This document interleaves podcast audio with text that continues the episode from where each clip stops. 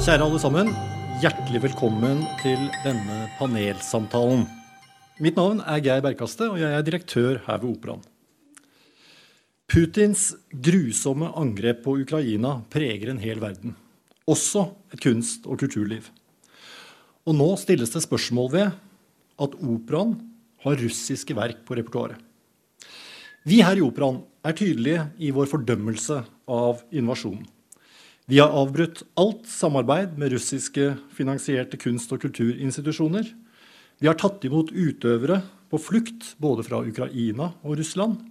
Og vi markerer solidaritet med det ukrainske folk, bl.a. ved å lyssette operaen i ukrainske farger og spille inn verk av ukrainske komponister og publisere disse i sosiale medier. Men som de fleste andre har vi ikke kansellert verk av russiske opphavsmenn som f.eks. Tsjajkovskij eller Prokofjev, som nå går på våre scener. Og vårt grunnlag for det er at vi anser disse verkene som en del av verdens kulturarv, som inngår i vår kollektive historie, og som ikke kan eller skal eies av noe land eller imperium. Og vi tenker at ved å slutte å fremføre disse verkene, eller å ta en pause, så lar vi det russiske regimet definere at disse verkene tilhører dem. Vi mener at disse verkene tilhører de som skaper de, de som fremfører de, og de som opplever de her i dag. Vi anerkjenner imidlertid at spørsmålet vekker både sterke følelser og diskusjon. Og sjelden har vi hatt et tøffere si, batteri av spørsmål og kommentarer i sosiale medier. Det er bakgrunnen for at vi er her i dag. Og med den bakgrunnen så skal jeg gi ordet til Christian Kjelstrup, som sitter bak meg her, som skal lede kveldens panelsamtale. Christian er forlagsredaktør ved Vigmostad og Bjørke, var tidligere redaktør i Samtiden. Og så har jeg lyst til å si, Christian står også bak en veldedighetskonsert for Ukraina som arrangeres i universitetets aula på torsdag. Her går inntektene til SOS Barnebyer. Jeg håper at mange kommer dit. Kristian, jeg regner med at du tar, av, tar deg av å introdusere resten av panelet. Yes. Takk skal du ha. Uh, ja, vi har et uh, særdeles kompetent uh, panel. kan jo bruke lett de første minuttene hvis jeg skal ramse opp bare høydepunktene i CV-en deres. Men det er da deg, Arve Hansen, som på en måte startet denne debatten ved å reagere på oppsetningen av Jevgenij Onegin. Jeg skal komme litt tilbake til eh, innholdet i reaksjonen din, men du er da eh, tilknyttet eh, Helsingforskomiteen som rådgiver. Du er eh, doktor i østslaviske studier. Har skrevet en høyaktuell bok som jeg vil anbefale alle å lese, som heter 'Ukraina. Historien, krigen' og menneskene, heter vel den, som gir inn innføring i eh, både eldre historie og det som har nå ført frem til krigen. Og da har Søren meg skrevet en bok, eller medvirket til en bok om ukrainsk musikk også. Så det er Arve Hansen. Eh, gi Arve en applaus.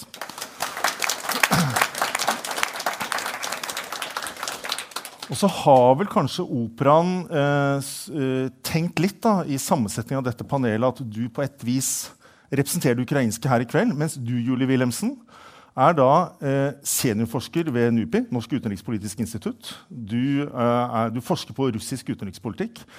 Uh, og uh, fikk også Neshornprisen, Klassekampens pris, for din deltakelse i det noe opphetede, polariserte ordskiftet om uh, Russlands krigføring i Ukraina nå, nå i desember, var det vel. Så applaus til Julie Wilhelmsen. Ved din side sitter Frode Helland, også med doktorgrad i bagasjen. Professor i nordisk litteratur, dekan ved Fakultetet for uh, humanistiske fag da, ved Universitetet i Oslo. Som kanskje skal forsøke å se dette litt utenfra, siden du verken er sånn, i utgangspunktet Russlands- eller Ukraina-ekspert. Uh, velkommen til Frode Helland. Og så er det deg, da, Morten Hjelten, som uh, er direktør ved NTO, som da står for Norsk eh, teater- og orkesterforening. Uh, du er vel her som en slags representant for uh, det institusjonelle, da, som operaen er en del av? må vi kunne si. Kjenner du deg igjen i den introduksjonen? Ja, blant Jeg representerer de som ikke har doktorgrader. Ja. Hyggelig at også dere, folkedypet, er representert uh, her. Liksom- Applaus til Morten.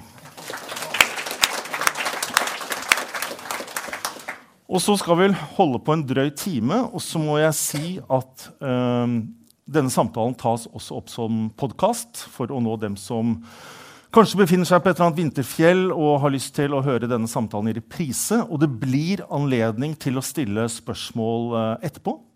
Så tenk eventuelt litt på hva dere ønsker å si underveis, og spar på spørsmålene til slutt. Da vil det bli sendt en mikrofon rundt.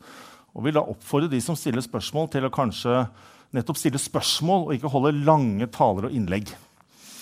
Eh, men mitt første spørsmål eh, det eh, går til dere alle. Overskriften for dette arrangementet er altså 'Kan vi spille russiske verk nå?' Det er det spørsmålet operaen stiller. Og nå refereres selvfølgelig til etter Ukraina-krigen. Og da skal jeg på veldig tabloid vis stille dere det spørsmålet. Men siden vi ikke er i en tabloid setting, så skal dere få full anledning til å nyansere svarene deres uh, senere. Men nå vil jeg bare ha et enkelt ja- eller nei-svar. Frode Helland, kan vi spille russiske verk nå? Ja. Ja. Det spørs. Eh, ja eller nei? Ja eller nei? Tja. Tja. Altså, altså, ja, ja, nei, du får oppfølgingsspørsmål etterpå. Ting må nyanseres. Ja, ja, de må, Dere har doktorgrad, så dere skal få lov til å nyansere. Ja. Men, under visse omstendigheter. Under visse omstendigheter.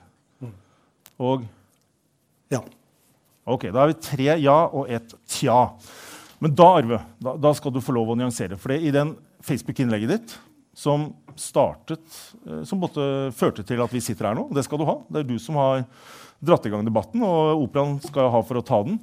Så skriver du noe omtrent som dette. Du skriver eh, ett år inn i den brutale russiske angrepskrigen i Ukraina setter altså operaen opp 'Jevgenij Onegin' av den russiske komponisten Tsjajkovskij, basert på da versromanen av den russiske forfatteren Pusjkin. Og Oslofilharmonien setter opp en rekke andre russere. Er dette virkelig nødvendig? er på en måte det du spør om. Og så skriver du eh, å fremføre russiske klassikere nå eh, fremstår som i beste fall naivt. I verste fall så handler det om å spille på lag med Kremls eh, aggressive kulturpolitikk. Tenker du at det er det operaen også gjør? At de spiller på lag med Kremls aggressive kulturpolitikk når de setter opp Jevgenij Onegin? Altså, vi må prøve å forstå hvordan russisk kultur blir brukt av, uh, av den russiske stat. Um, hver dag så jobber jeg med krigsforbrytelser. Altså jeg, eh, jeg, jobber med folk som dokumenterer krigsforbrytelser som foregår i Ukraina. Uh, og det er ikke bare mennesker og, og, infrastruktur og sykehus som blir bombet i stykker. Det er også en målrettet krig mot ukrainske kulturinstitusjoner. Kulturminnesmerker, teatre, eh, operaer, uh, museer osv. Og, og noe av det første som skjer når russere tar over en by eller landsby, det er at de brenner bøker de river ned statuer til ukrainske kunstnere, ukrainske forfattere, og de setter opp statuer til Pusjkin. Jeg mener at i februar 2023, rundt årsdagen til denne krigen, så burde vi tone i hvert fall ned hvor mye russisk uh, kultur vi, vi velger å, å, å, spille opp. Fordi det er flere ting med den russiske um, kulturpolitikken som er uh, som er vanskelig. Det blir pumpet masse penger i å på en måte bygge opp en illusjon av at Russland er et kulturelt land med, eh, med, som det er mulig å snakke med, som det er mulig å ha en samtale med, og som, er, eh, som prøver å framstå som europeisk og, og, og, åpent. Men i realiteten så er det ikke det. Og jeg mener at kunne vi ikke heller, ett år inn i krigen, hatt en måned med ukrainske uh, operasangere og, og, og, komponister og musikanter. Kunne vi ikke gjort dette her på en helt annen måte? Så Det var det som var på en måte motivasjonen min for å skrive den testen. Og så vidt jeg forstår deg da, så betyr det at du er ikke sånn for en absolutt eh, kansellering, for å bruke dette ordet, da, som, eh, som eh, nesten går inflasjon i disse dager, av russisk kultur, i dette tilfellet Evgenij Onegin. Men du ønsker deg i hvert fall en annen tyngdeforskyvning? da? Absolutt. Og jeg, jeg, jeg tror ikke på at en boikott vil eh, det vil, som, ble sagt innledningsvis her, også kunne spille inn i, i, retorikken til Putin om at her er det uh, at hele Vesten er mot oss, og de prøver å, og de prøver å utslette Russland som nasjon. Uh, på en måte bruker den samme argumentasjonen som, som, vi egentlig kunne brukt om Russland, hvordan de opererer i Ukraina. Unnskyld, hva var spørsmålet ditt igjen? ja, Nå husker jeg det knapt selv, så det er bare å fortsette. ja. Nei, eh, men eh, det, var jo dette med hvor absolutt du er. Ja, nei, altså, altså, jeg mener at Hvis vi skal eh, sette opp russiske forfattere eller musikant, altså komponister, mm. så er det i hvert fall viktig at vi pakker det inn på en måte så vi forstår at her ligger det mer i grunn enn, en at bare dette er russisk. Det er faktisk en del av en større eh, kulturell krigføring Eh, hvis jeg kunne få brukt det ordet. Um, fordi, det er, uh, fordi, det er, en krigføring, og det har også Putin selv anerkjent at, uh, at det er. Så, så, ja, så, så, man må faktisk si at vi viser Pushkin, men han misbrukes på den og den og den måten. Uh, han er problematisk pga. En, en, en rekke, rekke ting, og, og det må fram. Og Det er det vi skal prøve uh, i løpet av denne timen. Altså, nå har vi jo da en Russlands- og Ukraina-ekspert uh, her. Uh, og så tenker jeg at Vi skal forsøke også å zoome litt ut. fordi Dette handler om prinsipielle spørsmål som forholdet mellom kultur og politikk. Og det handler litt om hva skal vi si da, bølgen av woke og kanselleringskultur og andre begreper som vi har sett bare i helgen har fått sitt uttrykk i famøse saken med Leif Eriksson-maleriet på Nasjonalmuseet. Og f.eks. at eh, Roald Dahl sine verker nå skal omskrives. Man skal eh, endre vokabularet i takt med tidens eh, krav. Så dette er jo en enda større debatt. Men til det spesifikke russiske og ukrainske som du kan, Arve, før jeg også slipper til de andre.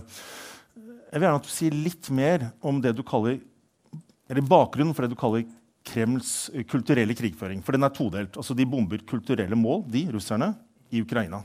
Men så sier du også at Kreml har en ideologi hvor de bruker kunstnerne for alt de har vært, til å promotere en idé om det russiske. og Det er den såkalte ruskimir-ideologien. Det er ikke gitt at alle som er her eller lytter, kjenner til ruskimir-begrepet. Kan ikke du få liksom, etablere hva det er?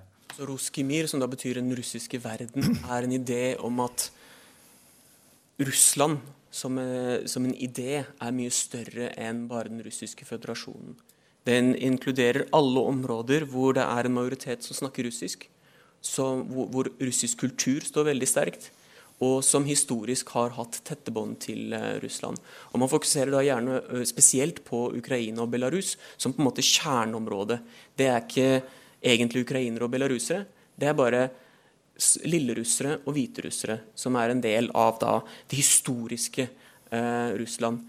Og De har ingen historie og de har ingen framtid uten, sammen med, med, med denne, altså ut, utenfor den russiske verden. Og da brukes altså f.eks. kunstnere som Pusjkin, Tsjajkovskij, Dostojevskij, Sjostakovitsj andre i denne krigføringen? da? Absolutt. Altså, jeg har snakket med altså, I eh, arbeidet mitt med den Ukraina-boken, og egentlig begge bøkene, så har jeg hatt kontakt med forskjellige forfattere og andre kulturpersonligheter i, i Ukraina. Noen russiskspråklige, noen ukrainskspråklige. Og de forteller at um, på 90-tallet så dukket det opp sånne bevegelser. Ukraini, uh, den, den, ukrainske russlandsbevegelsen, f.eks. Som først framsto som å være en, en av mange interesseorganisasjoner som da skulle fremme russisk språk og kultur som var helt legitimt etter, eh, etter, Sovjetunionens fall. For da var det flere språk og flere kulturer, og alle prøvde å løfte opp disse tingene. Eh, men de fortalte at de fikk veldig mye støtte, at, at, eh, flere av disse som jeg snakket med, var medlem av denne organisasjonen.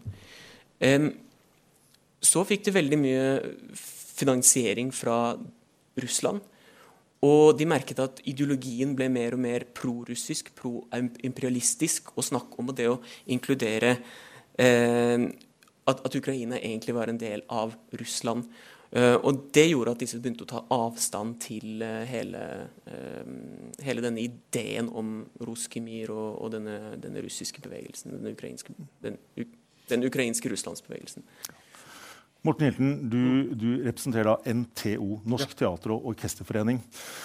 Og eh, etter krigens utbrudd i fjor, eh, 22. mars vel, for å være nøyaktig, da blusset det også opp en debatt om eh, kulturboikott, for å bruke det ordet. Eh, og dere utarbeidet noen retningslinjer for eh, alle som er medlem i foreningen.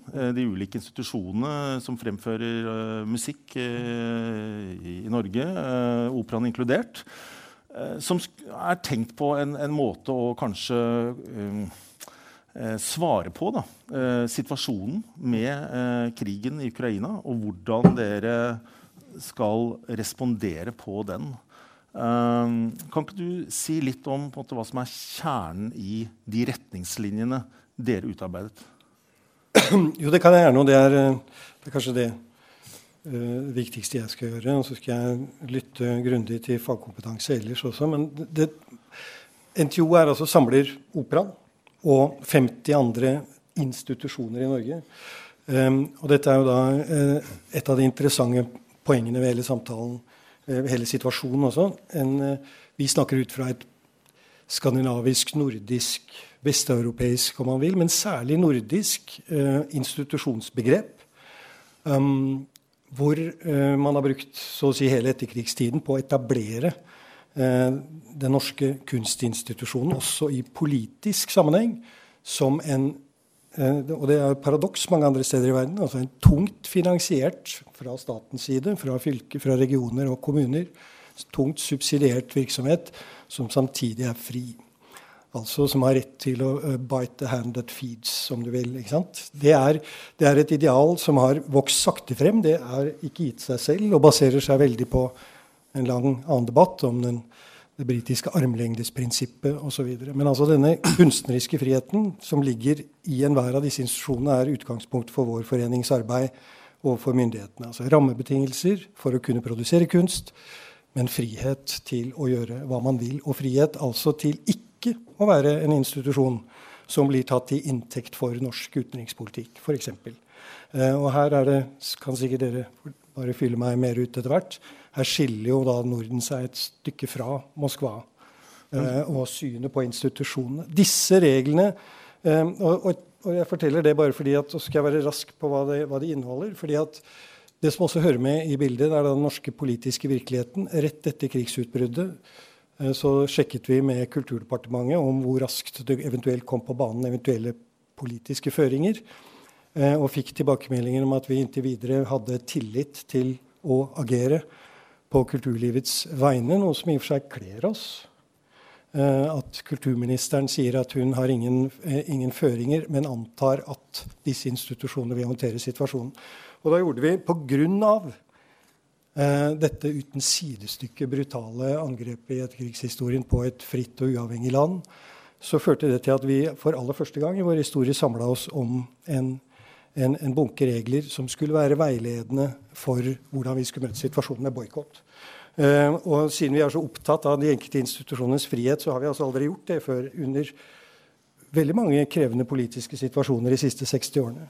Og det de først og fremst sier, det er selvfølgelig de, de Vi samlet oss 2.3 i styret i NTO og lagde disse først og fremst motivert av et ønske om å uttrykke sterk solidaritet eh, med, med, Ukraina og det ukrainske folk og ukrainske kunstnere.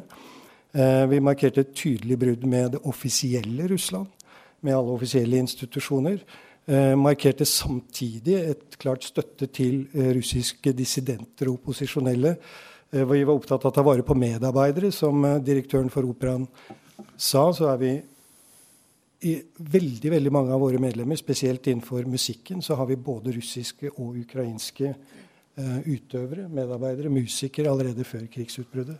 Og da altså innholdet i disse retningslinjene, hvis du skal prøve å oppsummere dem, for det er flere punkter, hva er liksom overordnede, det overordnede synet som kommer frem der? Det er først og fremst altså at du etablerer en denne institusjonen som en, en, fri institusjon likeverdig med en fri presse. Um, og så sier vi at uh, alt arbeid, både av kunstnerisk og finansiell karakter med statsfinansierte russiske kunst- og kulturinstitusjoner, fryses, avvikles, dersom det kan sies å legitimere det, det russiske regimet. Men nettopp interessant her i dag vi, har, uh, vi er opptatt av uh, hele tiden å nyansere hvordan hvorvidt boikotten eh, rammer enkeltstemmer, stilner alternative stemmer. Eh, og så tar vi altså eh, helt tydelig ikke til orde for å boikotte eh, det man kan kalle kanonen, altså verdensarven, eh, verk eller bøker eller musikk automatisk. eller enkeltkunstnere som, knytte, som lever kanskje i Vesten, og som ikke kan knyttes til, til Putin. Og så er det den siste setningen som gjør at vi sitter her i dag at vi skrev i, i, mars i fjor vi anbefaler likevel at, at, dagens situasjon i Russland og Ukraina må adresseres, som det står, eller må, må problematiseres i kommunikasjonen med publikum dersom man velger å spille russiske verk. Det er vel grunnen til at vi Og det gjør vi på et vis nå, i hvert fall fremprovosert av Arve, Arve Hansens innlegg. Um, det er jo sånn at når slike retningslinjer utformes, så møtes de ofte med en eh, reaksjon, og så må man gå tilbake og reformulere retningslinjene. Når du da hører uh, Arves uh, syn, da, er det sånn at dere tenker dere om og har noe behov for å gjøre noen endringer? Foreløpig har vi tenkt at disse står, fordi at de nyanserer synes vi, kraftig mellom det offisielle Russland og, og kunstens øvrige rolle, som jo ikke kun er å være et virkemiddel for politikken, men som også har en egen stemme. Um, og så overlater den fremdeles tilstrekkelig ansvar til den enkelte institusjon, den enkelte kunstneriske leder, til å ta helt konkrete valg basert på, på, på situasjon og kontekst, som alle vet er viktig. Uh, så vi merker oss dette uh, selvfølgelig og diskuterer dette på stort alvor hele tiden. Men, uh, men foreløpig tror vi den, det står seg. Og den har jo også vært modell for tilsvarende regler i andre nordiske land og andre vesteuropeiske land. I punkt fire i, i denne sekspunktslisten, og du, du, var innom det, så, så står det altså at eh, samarbeid med eh, kulturinstitusjoner eh, fryses dersom eh, det kan bidra til å legitimere ulovlige handlinger i regi av det russiske regimet. Uh, nå er det kanskje ikke her i dette konkrete tilfellet som vi må snakke om. Yevsjen Negin. Uh, snakke om et uh, samarbeid med et uh, uttalt russisk tro regime. Men som Arve har vært inne på, så kan likevel også dette russiske kulturuttrykket da, brukes, eller skal vi si misbrukes for å legitimere Russland generelt. hva tenker du om, om det, da? Jeg synes det er et kjempeparadoks. Eller paradoks. Altså det, er, det, jo, det, er jo, nettopp vanskelig. ikke sant? Men jeg tror også det er, det er, det er avhengig av, av, av, eh, av, mange ulike elementer. Altså jeg har, jeg, men jeg tror ikke du finner et ja-nei-svar på det. Altså jeg tror du finner disse ulike synene på det, som vi kommer til å høre her og snakke mer om. Um, og, og, så må vi hele tiden balansere det opp mot øvrige hensyn, som handler altså om å, å ikke la en aggressor eller en diktator stikke av med en verdensarv. Akkurat på samme måte som, som man kan si at verdens uh, kunstinstitusjoner ikke lot en bestemt periode i Tyskland stikke av med Wagner. Ikke sant? Det, er, det er på en måte den, den balansen vi skal uh, holde ved like. Julie Wilhelmsen, jeg må koble inn deg i samtalen også. Det vi bl.a. snakker om her, det er jo hvorvidt som du akkurat var inne på, Morten, hvorvidt kunstnerne skal ta tas til inntekt for en nasjon eller gjøres til representanter for en nasjon. Eh, og nå er du da endt opp med det er vel jeg min skyld, som har presentert deg som en slags representant for Russland. og da vil jeg bare skyte inn Nei, det er du ikke. Men uh, en som kan mye om Russland. Det er du. For jeg må legge til uh, straks Du er altså russlandsforsker som til og med har, har det har hun nå, men hun har til og med prestert å være en slags persona non grata i Russland. Ble på et tidspunkt nektet innreise uh, i Russland. Uh, og er selvfølgelig sterkt kritisk til russisk krigføring. Men du har også uh, forsøkt å forklare for et, i den norske offentligheten hvorfor Russland, eller hvordan Russland ser på verden. Uh, og det har ikke vært har jeg et inntrykk av, et helt uh, enkelt landskap å navigere i uh, etter krigsutbruddet, hvor man ofte er enten for eller imot. Altså, før vi går inn på den problemstillingen vi skal diskutere, her, så vil jeg gjerne at du liksom kort oppsummerer hvordan det fra ditt ståsted har vært å ta del i, i russlandsdebatten det, det siste året. Ja, det har vært eh, vanskelig. For det er alltid vanskelig å forklare drittsekken. Og det er vår forbannede plikt som forskere. Hvis det er det landet vi studerer, så er det det vi har noe kunnskap om. Og når det blir konflikt, f.eks., så er oppgaven å forsøke å forklare hvordan kan det ha seg eh, at eh, Russland invaderer Ukraina eh, på denne måten. Eh, men for meg, som jobber med det som heter sikkerhetiseringsperspektiver, som innebærer at man studerer hvordan en trussel løftes opp i, i et samfunn, eh, og hvordan det mobiliseres rundt trusselbilder, så er det ikke så veldig overraskende at det har blitt veldig upopulært å forklare Russland. For det at det nå er eh, Norge i konflikt, og eh, Russlands trussel løftes opp. Og da er det veldig lett å ikke skjønne forskjellen på å eh, forklare og forsvare. Så da blir vi som forskere eh, av og til utsatt for den, den, kritikken. Og det er jo i Putins Russland så skjer dette hele tiden. Og det er egentlig hovedfortellingen om hvordan Putin har blitt så mektig. Det er at han har vært utrolig god på å løfte opp trusler og si at vi er truet utenfra. Først var det tsjetsjenerne og terroristene, og så etter hvert har det blitt Vesten, og så og så Ukraina. Og det skaper det har vært en av hovedmekanismene for å samle makt rundt eh, Kreml over 20 år. Så det er en mekanisme jeg kjenner veldig godt. Eh, men når det gjelder oss og hva som skjer med debatten her, så er det klart det, det skjer. Men her burde vi ha mye større eh, motstand da, mot en sånn eh, ensretting av eh, samtalen, eh, kunnskapen, eh, kunnskapsutvekslingen som vi må ha, som er viktigere enn noensinne, nettopp fordi vi er i konflikt. Vi er nødt til å finne, kjenne vår fiende. Um, så det, um, det, plager meg litt at det offentlige ordskiftet har blitt såpass trangt, og at det er så, så, ubehagelig. Men så hadde jeg lyst til å si, bare for å, for å poengtere hvor jeg opplever at det har blitt en slags kortslutning, da, og en litt farlig kortslutning, i denne diskusjonen om hvorvidt vi skal boikotte russisk kultur. Fordi at det er en kjensgjerning.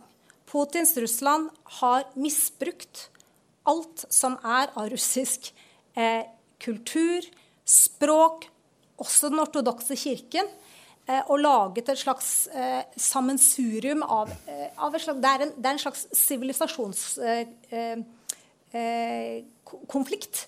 Eh, Putin har sagt at de er i, og de, og de bruker absolutt alt. De bruker også f.eks. Den, den russiske diasporaen. da. Russere i, utlandet er på en måte del av deres Ruskimir-prosjekt, som slippes løs i denne grusomme eh, krigen mot Ukraina.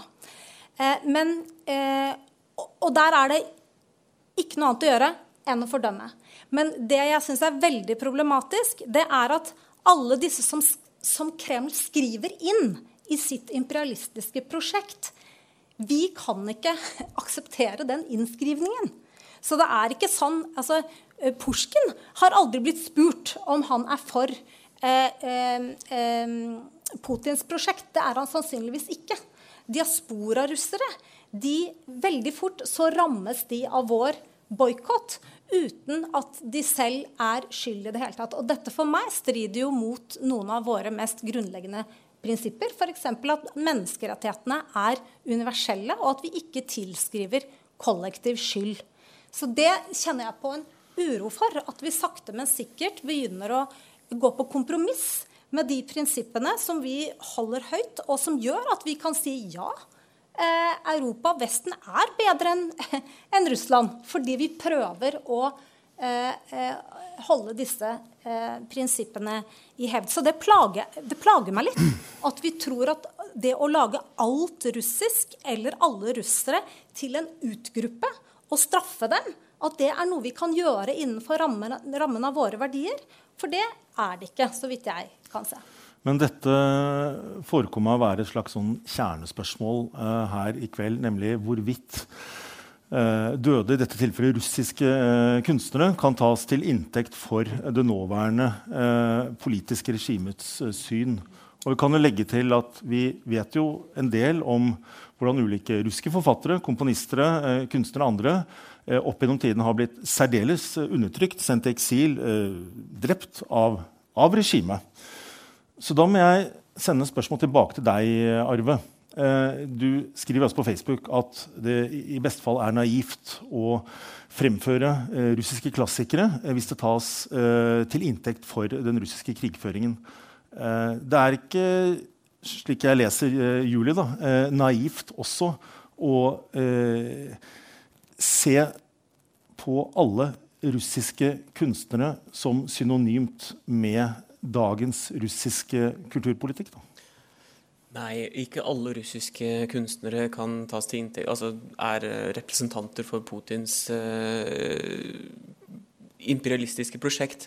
Um, og, og, vi kan ikke gå inn i hodene på verken altså Dostojevskij eller Pusjkin eller noen av disse her. Men det vi kan se, er jo at de, de, de er jo høyst problematiske mennesker også. Og selv om de har vært uh, undertrykt og møtt mye motbør i sine liv, um, så finner vi jo altså, mye imperialistisk tankegang både hos Solzjenitsyn og Pushkin og Dostojevskij som faktisk også burde belyses. Eh, vi, hvis vi velger å faktisk sette opp disse tingene, så burde vi faktisk vise at eh, dette er problematiske mennesker. Og spesielt med tanke på alle de tusenvis av ukrainske flyktninger som nå befinner seg i Norge, som, er, eh, som, som har møtt denne eh, ideen om uh, russisk overkultur um, som på en måte skyver vekk ukrainsk uh, høykultur. Um, at de faktisk da skal bli møtt i februar 2023 med noe annet enn en, en ukrainsk Altså fokus på Ukraina, det, det, det skjønner jeg ikke. Og så syns jeg også det er litt trist at jeg ble invitert til å, til å, være med i denne debatten eller diskusjonen, samtalen. Um, og så var det også et spørsmål at vi også kanskje burde invitere en eller annen russisk stemme. Uh, så, så, russerne skulle bli representert gjerne en opposisjonell stemme som kunne eh, presentere Som kanskje var mot et boikott, men allikevel også mot Putin. Og da tenker jeg Hele denne debatten her er om at Ukraina faktisk ikke får den posisjonen de burde få. Um, på årsdagen for, eh, for, denne krigen.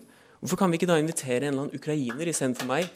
Eh, jeg, fordi det er jo faktisk noe av problemet. Det er problemet her på Operaen at vi ikke har noen uk ukrainske verker. Eh, og det er problemet også, også, i denne debatten. her. Det er egentlig bare symptomatisk da, på problemet. La oss ta det, da. For Jeg har litt lyst til å komme tilbake til det du sier er det problematiske ved, ved Pusjkin. For vi må snakke litt om, konkret om Uh, mannen og verket, som uh, tross alt har ført til at vi sitter her. Men ta den ekstra sløyfen først. Uh, du etterlyser da at operaen, filharmonien, i større grad kunne sette opp ukrainske verker. kan legge til, selv om ikke det er hovedsaken, da jeg gikk i gang med å planlegge denne ukrainske konserten som jeg arrangerer nå torsdag, hvor det kun skal fremføres ukrainsk musikk, så henvendte jeg meg til noen av de største uh, institusjonene uh, i Oslo uh, og fikk jo til svar av at logistiske grunner så er det sånn at det tar liksom flere år da, å, å programmere. slik at f.eks. i år så er det 2025-sesongen som programmeres. Med andre ord, Jevgenij Onegin i dag ble eh, egentlig planlagt for lenge før Ukraina-krigen. var det svaret jeg fikk. Men nå svarer jeg litt for deg, Morten. For jeg har tenkt å spørre deg om du kan mer om dette. Altså, Dere sitter jo da eh, Eller dere. Operaen, Filharmonien, eh, andre teatre skal da eh, planlegge sitt repertoar. Eh, kanskje også litt i lys av den løpende politiske utviklingen som endres. Og så har det disse lange planleggingshorisontene. Er det mulig? For jeg skjønner jo Arves poeng. Er det mulig i større grad å ta inn og dette er til dels en annen debatt, og en litt videre vifte av andre nasjonaliteters musikk? Ja, men uh, hvis du hadde Men ikke sant, altså, uh, denne mannens rolle Jeg er altså direktør i denne foreningen og er økonom fra gammelt og har lært meg at jeg ikke skal diskutere repertoar med teatersjefene. hele tiden. Det er liksom du som er nærmest her til å svare på det men, likevel. men, men svaret er selvfølgelig ja. Men, men det du beskriver om, om planleggingshorisontene til de liksom, europeiske eh, operahusene, er helt riktig. Det er, altså, det er ting som er veldig veldig langsomme, lang, eh, langsiktige programmeringer. Eh, men, men, men svaret fra, på vegne av scenekunsten og musikken generelt er jo at uh, det skjer jo mye forandring. Og det har skjedd mye. Det er jo altså veldig mye repertoar i Norge, Norden og Europa som ikke ble spilt i fjor, som var planlagt. Ikke sant? Veldig mange eh, russiske dirigenter, solister, eh, medvirkende som, som ikke sto på programmet i, eh, i, i, i 22, og heller ikke gjør det i 23. Så at hvis du holder de to tingene ved siden av hverandre, så ville man sett en, en ganske voldsom um, effekt. Men det er jo ikke noe Um, altså, men det, det, det fins lettere båter å snu enn Den norske opera var lett.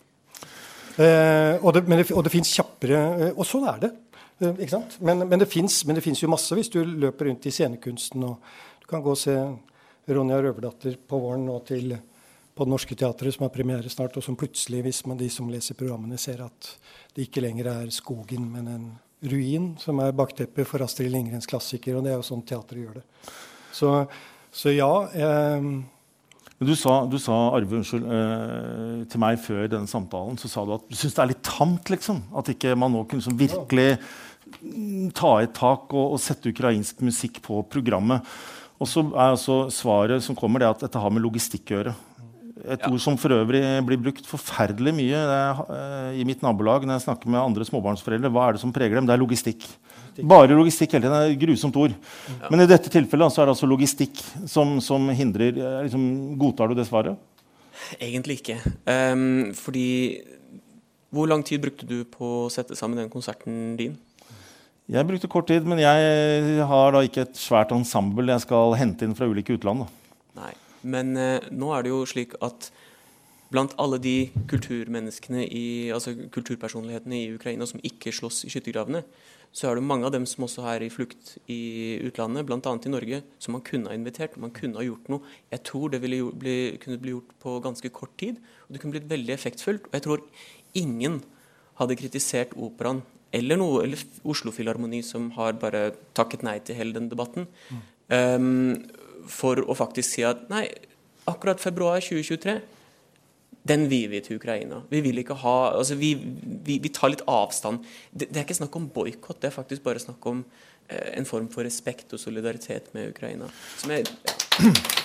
Da kom det applaus fra den ukrainske benken her. Og så kan vi jo bare la det henge litt, da, sånn til senere kanskje en generell oppfordring da, til alle institusjonsteater og operaer om at det er jo mulig å orientere seg i litt andre retninger også geografisk enn de opplagte.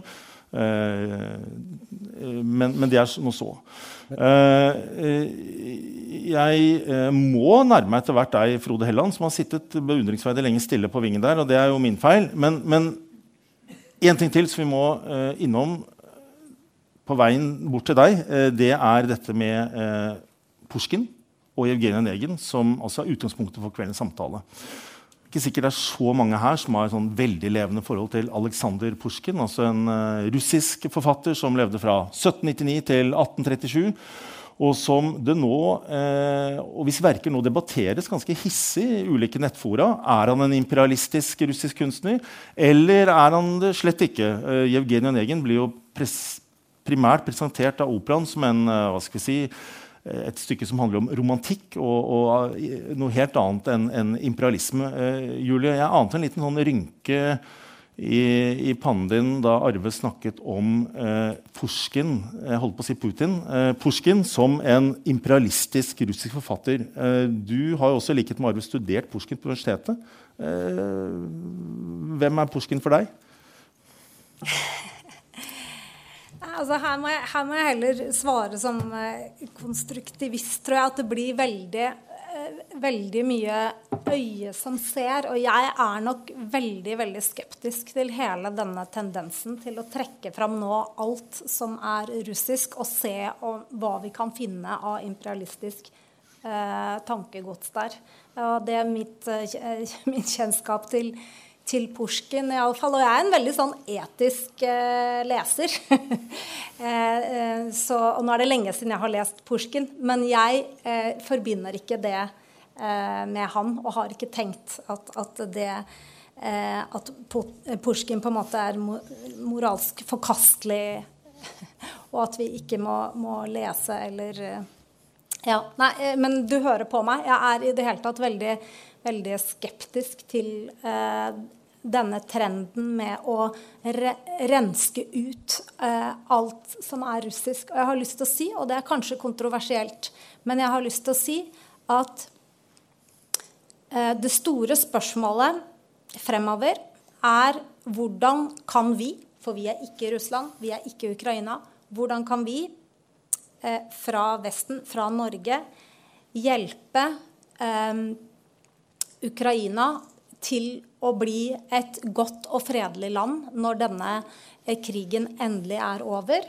Og jeg er ikke så sikker på at det er eh, ved å sanksjonere og støtte en kansellering av alt russisk. For fordi at Ukraina må være en stat hvor det er plass til både ukrainske og russiske elementer. Og det vil være mennesker som bor i Ukraina, som også elsker f.eks. noe av denne russiske litteraturen. Og jeg ser ikke for meg en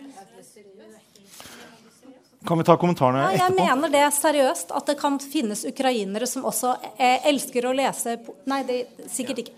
Men, men det, jeg, jeg syns på en måte det er en, en, en litt visjonsløs eh, politikk. For det at vi vil jo nettopp at Eh, eh, Ukraina er en stat der minoriteter har en plass, der ulike etniske grupper har en plass. Og da, da eh, er ikke dette den riktige støtten å, å, å gi, syns jeg, å kansellere eh, alt ting som er russisk, bare fordi det er russisk. Jeg mener det er helt, helt feil. Ar Arve, eh, du sa at du mente Pusjkin hadde noen problematiske imperialistiske sider, men du sa ikke hvorfor. Hva konkret er det du tenker på da? Nå tenker jeg på hans måte å fremstille andre etnisiteter, steder hvor eh, Russland har, altså det, russiske imperiet har vært eh, engasjert, i Kaukasus, eh, altså finner, svensker, um, som, som, kan indikere at han har en eh, Selv om han har eh, kritisert og møtt eh, den, den, tunge siden av, eh, av, eh, av, det russiske imperiet, så har han også på en måte støttet ideen om, eh, om, om det russiske imperiet. Men, men jeg er ikke en, en ekspert på, på, på verken Pushkin eller sånn eldre, den, den, eldre delen av russisk musikk. Uh, men, men jeg, jeg, ser at det er problematiske ting ved Pusjkin. Og det mest problematiske er jo ikke nøyaktig hva han skriver. Det er problemet med hvordan han blir framstilt, og hvordan han brukes. Og jeg tror at altså, Du snakker om, uh, om ja, men, du, du, du, Hvordan bruker han jo ikke sånn? Men du snakker om uh, Ukraina, og jeg tror ingen har gjort mer for å støte vekk uh, Pushkin enn det Putin har gjort selv. Det, det er, jeg kan forstå utmerket vel hvorfor de river ned Pushkin-statuer uh, og, og, og, og, mm, hva som uh, altså, heller maling, rødmaling over, over Pushkin på, på T-banestasjoner i Kyiv osv. Um, så ja, eh, han er en problematisk person fordi han blir brukt på, på den måten han blir brukt. En faktaopplysning bare litt til. Pusjkin selv var også i strid med det russiske imperiet eller regimet på sin tid. Han ble sendt til eksil, bl.a. til Ukraina, der han ga ut også bøker om, med, om ukrainske folkesanger. Så han også engasjert i det. Uh, men nå må jeg uh, få inn deg, Frode Helland, som har tatt veien helt fra Blindern til Operaen. Uh, for å liksom se dette litt utenfra. For du er da verken Russlands ekspert eller Ukraina-ekspert. Fra ditt ståsted da, som humaniorans representant, får vi si. da. Eh, hvordan ser du eh, på, på, det, på, denne debatten, det du har hørt så langt i kveld? Ja, jeg hadde tenkt jeg skulle snakke litt om universitetene. hvor Vi har jo vært i lignende situasjon. Men jeg, jeg, kan gjøre det veldig kort. og det, Universitetene har vel på en måte gått lenger enn det du sier, Morten. Altså, alt samarbeid med Russland er frosset. Eh, altså alt offisielt, institusjonelt samarbeid er over. Men forsker-til-forsker-samarbeidet det består, altså på individnivå. Eh, og det er klart at Universitetet i Oslo har et sterkt russisk fag, og skal ha det. Det er kanskje viktigere enn noen gang, eh, tenker jeg. Altså, vi, vi, må fortsatt ha kompetanse, eh, særlig når et så mektig naboland eh, ser ut til å utvikle seg så galt som det, som det gjør eh, nå. da. Eh, og til denne diskusjonen eh, her, som er interessant og vanskelig å, håndtere, så er det jo mange sånn paradokser i den. Men man må vel tenke eh, to ting samtidig når det gjelder diskusjonen om denne operaen og russisk kunst i det hele tatt. Altså, på den ene siden så er det vel sånn ja, det å sette opp denne operaen eh, vil vel Putin, hvis han har en mening om det, være for. Altså, det tenker jeg. Eh, altså, alle rike land bruker penger, og også Norge, på å promotere egen kultur. Og det gjør de jo ikke fordi de er dumme eller elsker kunsten for kunstens skyld. Så det, har, det, det bidrar jo på den måten til eh, å fremme en eller annen form for sånn soft power eller eh, russiske interesser. Det tenker jeg man må innse. Ehm, men på den annen side så kan man også argumentere for at det er viktigere enn noen gang å sette opp russiske verk nå. Fordi man kan sitte i operasalen og se at uh, disse følelsene, eh, framført på russisk, eh, de kan jeg relatere til som menneske. Altså, det kan bidra til å bryte ned noen av de fiendebildene som, som Julie har kjent på kroppen, og som, som vi skal være opp, oppmerksomme på. Eh, og det må balanseres konkret, da. Altså disse to hensynene, tenker jeg. Og da syns jeg ikke at operaens Jeg syns kanskje operaen hadde vært mer offensiv hvis de hadde argumentert innholdsmessig for at denne operaen burde settes opp nå. Mm. Eh, for det og programmering det kan, være, det kan være greit argument, men det er på en måte et argument som får diskusjonen til å bli slutt. Eh, for det fins jo eksempler på, i Europa i dag på bruk av russisk eh, opera og musikk som jeg syns er mye verre enn dette. Altså, det har jo stått om det i The Guardian. En oppsetning av en operaversjon av eh, 'Krig og fred'. Hvor jo altså koret da ifølge The Guardian står på eh, scenen og synger triumferende We have defended our fatherland with blood. Glory to the army. 'Russian glory will never fade'. Dette er jo en Prokofjev-versjon eh, skrevet på 40-tallet etter at eh, russerne hadde eh, slått Nazi-Tyskland osv. Men har jo en helt annen betydning nå. Altså Uavhengig av programmering syns jeg måtte si at det spiller vi ikke, tross alt. Så det konkrete nivået så, så Det syns jeg er et viktig poeng, og, og, der er jeg enig med Julie at eh, det er klart at Putin misbruker eh, Pushkin. Men han har ikke den funksjonen her, i vår kontekst. Så vi kan bruke han til noe annet. Men du startet med å si at dere har gått lenger enn NTO i å uh, fryse kontakt med, med uh, de dere vanligvis ville hatt kontakt med på russisk side. Jeg synes jo Et viktig spørsmål her da, det er jo er nettopp det. Kontakten med russere. Altså, det er ingen tvil om at uh, vår sympati nå går i retning Ukraina og skal gjøre det. Og Samtidig så er jo også Russland sammensatt fra alle som støtter krigen eller er ignorante, eller disse eh, eventuelle opposisjonelle kunstnere eller andre som vi tradisjonelt da, har tenkt at vi eh, bør ha kontakt med. Um, fra ditt ståsted, da, Frode, uh, hva gjør dere for å tross alt ha kontakt med eventuelle uavhengige, frie, til og med opposisjonelle russiske eh, forskere? Er dere i kontakt med dem? Ja, altså, Nå er jo ikke dette mitt fag, men, det, men det, det, vi gjør på det nivået, er jo at forsker-til-forsker-samarbeidet består. Og det består jo i høy grad også fordi at mange av de som man har kontakt med i, i totalitære stater, er eh, jo selv i pressa situasjon. Så man vil ofte, på en måte, Hvis man bryter den type samarbeid, så vil man ofte bryte med de opposisjonelle i enten det er Iran eller Russland eller, eller Kina. Eh, og så tar vi jo imot eh, eh, altså Den Scholars at Risk-programmet eh, tar jo imot ukrainske flyktninger, men også noen russiske Ikke på mitt fakultet, riktignok, men sånn at vi står jo midt i det. Og, så har vi oppretta for første gang et studietilbud i ukrainsk. Altså ukrainsk språk og kultur og historie. Som er blitt mer populært enn russisk Ja. akkurat nå? Ja. Som på det egentlig. Ja. Ja. Det, det er jo viktig. Eh, men jeg vil gjerne sende det spørsmålet gjennom hele panelet, uh, som, som Frode fikk nå. Altså uh, broen, den eventuelle broen til Russland. Da. Eh, fra, fra ditt ståsted og NTOs ståsted, Morten. I hvilken grad er dere opptatt av å holde en forbindelse med eventuelt opposisjonelle eller kritiske eller til og med undertrykte russiske kunstnere og musikere? Da? Jo, selvfølgelig. Men jeg, du, altså, for det første så tror jeg ikke Jeg tror vi er uh, nokså like i strengheten. Altså, jeg tror de reglene som, som, som vi styrer etter, de, de har på en måte frosset alt det offisielle samarbeidet. Men um, og, jeg, og jeg opplever det som ekstremt vanskelig altså, i dag. Og det, det er det jeg hører fra kolleger også over hele Europa.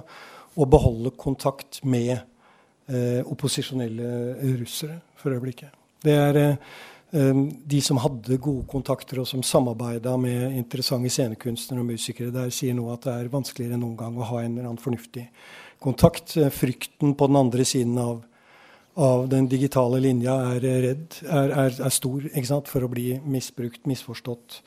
Um, så, så dessverre, jeg syns det, det er en veldig veldig krevende situasjon i forhold til det, det Russland vi, må, vi, vi gjerne skulle ha beholdt kontakten med. Nå hører det også med til historien at på forhånd, altså organisasjoner som våre, eh, som er knytta veldig tett sammen i, i, også, organisatorisk også i, i Europa, vi hadde veldig sporadiske og merkelige og ikke veldig gode kontakter med det man kan kalle en sånn bransjeorganisasjoner i Russland, eh, heller før, før denne krigen. Eh, organiseringen er annerledes, og, og du visste aldri du, du havna veldig fort inne i, opp- i, i, i systemer som du skjønte var en offisiell og ikke en fri situasjon. Eh, men, eh, men, er, men slik er det. Eh, men, men helt generelt, altså. Um, det er, en, eh, det er en frykt, tror jeg nå. I, altså vi har kontakter, noen av oss, og vi kjenner jo alle noen. ikke sant? Um, men, eh, men de er stille eh, og, og redde, tror jeg, for øyeblikket. eh, og prøver å finne en vei ut. Mange har reist, og mange prøver å få familier etter. Um, men det er krevende. Hva med deg, Arve? Du virker jo primært mest opptatt av, og det er legitimt, det, å synliggjøre nå ukrainernes sak. Eh, det sitter jo kanskje en eller annen Pusjkin-type i dag, en forfatter i Russland, og skriver på et eller annet eh, kvistværelse. Imperialistisk eller ikke. Eh, hva tenker du om, eh, om eh, broen til, til eh, uavhengige, håp, potensielt håpfullt fritenkende russere? Altså jeg tenker jo at eh, Det russiske kulturlivet det er faktisk en, eh, en veldig viktig ressurs i, som, Eller den vil bli en viktig ressurs når vi først får en slutt på denne krigen. her. Det er jo de som faktisk sitter og tenker. Um, og Helsingforskomiteen har masse kontakt, ikke bare med ukrainere, men også med, med belarusere og russere og ja, egentlig hele den regionen. Så, så det er ikke det at vi eh, altså, jeg, jeg taler jo på mine egne vegne her, det må jeg også eh, understreke her, da. Men uansett, vi, vi har jo kontakt med he, hele denne, denne verden. Um, men i, i hvilken grad vi skal boikotte alle, det har jo ikke på noen måte sagt at vi skal boikotte absolutt alle russere. Og det fins jo mange russere som eh, faktisk bruker de kulturkanalene sine til å eh, uttrykke motstand mot denne krigen. her, Og de må vi hause opp, og de må vi, eh, de må vi støtte. Absolutt. Eh, men det, er to ting som jeg gjerne skulle ha, ha nevnt. Eh, det ene er at det blir nevnt veldig mange ganger at siden krigen begynte, siden krigen begynte. Vi må, være opp, altså vi må ha det klart at denne krigen begynte ikke 24.2.2022. Den begynte i februar 2014. Så det er noe som har foregått eh, veldig lenge. Og, og vi snakket om at um, Det ble nevnt Nav Wagner. Eh, om, om, vi skal nå kutte ut alt som, som heter, uh, heter, Wagner. Fordi noen har prøvd å ta og um, appropriere det navnet. Nei. Men det legit, altså hadde det vært legitimt i 1941 og i f.eks. i Sverige og hatt en stor konsert med Wagner og sagt at nei, pga. logistikk så skal vi likevel sette opp Wagner. Fordi, eller, eller fordi vi, vi, må ha respekt for den tyske kulturarv, eller sagt Altså Jeg, jeg, jeg syns det blir satt litt på hodet. Mm. Um, fordi vi har muligheten til å respektere, og, og, og vi kan nyte Wagner. Og vi kan nyte uh, Tsjajkovskij og, og Pusjkin. Vi kan få, få uh, Jeg vet ikke om det går an å nyte Dostojevskij, men altså, vi kan i hvert fall lese og få mye ut av Dostojevskij. Um, men vi behøver ikke legge all altså, vi, vi, behøver ikke legge fokuset der akkurat nå. Det er det som jeg prøver å si. Julie, uh, disse debattene om både eventuell kulturboikott og Russland og Ukraina eh, opplever jeg ofte eh, handler om, på den ene side, eh, det prinsipielle. Ytringsfrihet, motstand mot kanselleringskultur. Og kanskje på vis det emosjonelle, eh, nemlig reaksjonen til dem som eh, er eh, ofre for krigen og Da kan vi jo trekke paralleller til oss selv og prøve selv om det blir noe hypotetisk, å forestille oss hvordan ville vi ha reagert hvis vi, vårt folk, var i krig. Um, det virker som på meg som om du på en måte forsvarer det prinsipielle, men klarer du å forstå den andre siden her? Forstå Ukraina? Forstå reaksjonene som kommer uh, fra første benk også, når uh, du mer prinsippfast da, argumenterer for, uh, for den russiske kulturens tilstedeværelse. Eh, absolutt. Så det har mer å gjøre med hva som er min jobb som forsker, som dessverre ofte er å, å liksom analysere kaldt og rolig. Um, men jeg har ikke noe problem med å se um, den forferdelige eh, tragedien det er. Og for meg som sagt, som begynte min karriere med å studere krigen mot eh, Tsjetsjenia, som faktisk er eh, i noen grad eh, parallell med den krigen vi ser eh, i dag. Altså Tsjetsjenia er bare et mye mindre territorium med et bitte lite folkeslag. Eh, en million mennesker og en total krig mot den bitte lille republikken fra 1999 hva heter det, 1999 av. Eh, og eh, da jeg begynte, så var det jo nettopp etter å ha studert eh, den krigen og alle mine følelser av sinne og frustrasjon over de grove, grove menneskerettighetsbruddene som ble begått i, i Tsjetsjenia, og at ingen tok dem på alvor. Eh, eh, her hjemme. Og faktisk den eneste gang jeg fikk en reprimande, jeg jobbet på Forsvarets forskningsinstitutt, av direktøren, eh, var fordi jeg kritiserte eh, menneskerettighetsbruddene i Tsjetsjenia eh, når Putin kom på besøk til Oslo. Eh, og da, På det tidspunktet så skulle jo Norge lappe sammen sine gode forbindelser med Russland og helt utvinne energi i, i, i nordområdene. Men for meg da, fordi jeg hadde dykka så dypt inn i den elendigheten som Tsjetsjenia-krigen innebar, så var det helt maktpåliggende at Norge, når de tar imot Putin, så må de snakke om menneskerettigheter. Så alle de eh, eh, Hva skal jeg si Den forferdelige lidelsen som er der, og det den utløser, og også eh, kravet om å eh, kansellere alt russisk som dukker opp når man blir utsatt for en sånn grusom krig, det kan jeg veldig, veldig godt eh, forstå. Men jeg er allikevel Og jeg kom kanskje til en slags sånn eh, korsvei der med eh, tsjetsjenerne som jeg kjenner i Norge, når eh, de ville at jeg skulle eh, gå god for at terrorhandlingene var det egentlig FSB som sto bak. Da, da måtte jeg på en måte si at nei, eh, dette var faktisk deres folk som sto for dette. Og det er jo, nå er jo ikke Ukraina der i det hele tatt, men jobben er allikevel å på en måte eh, ta inn over seg den lidelsen og eh, se den og forstå den og, og, fordømme Russlands invasjon. Men jeg kan ikke, jeg må på en måte fortsette å tenke prinsipielt rundt disse spørsmålene. Og jeg mener, jeg vil gjerne tilbake til eh, eh, Ukrainas eh, fremtid. da. Eh, for jeg syns f.eks. det vi så så vidt under fredsprisutdelingen nå i høst, hvor eh, den tapperste russiske menneskerettighetsorganisasjonen eh, også ble tildelt prisen, og det en stund var snakk om at den, den ukrainske veldig veldig verdige prismottakeren ikke ville dele rom eller ikke ville gi et intervju eller hva det var, med de russiske menneskerettighetsforkjemperne. Det, det syns jeg er veldig veldig trist. For det er klart at den så gikk det veldig bra.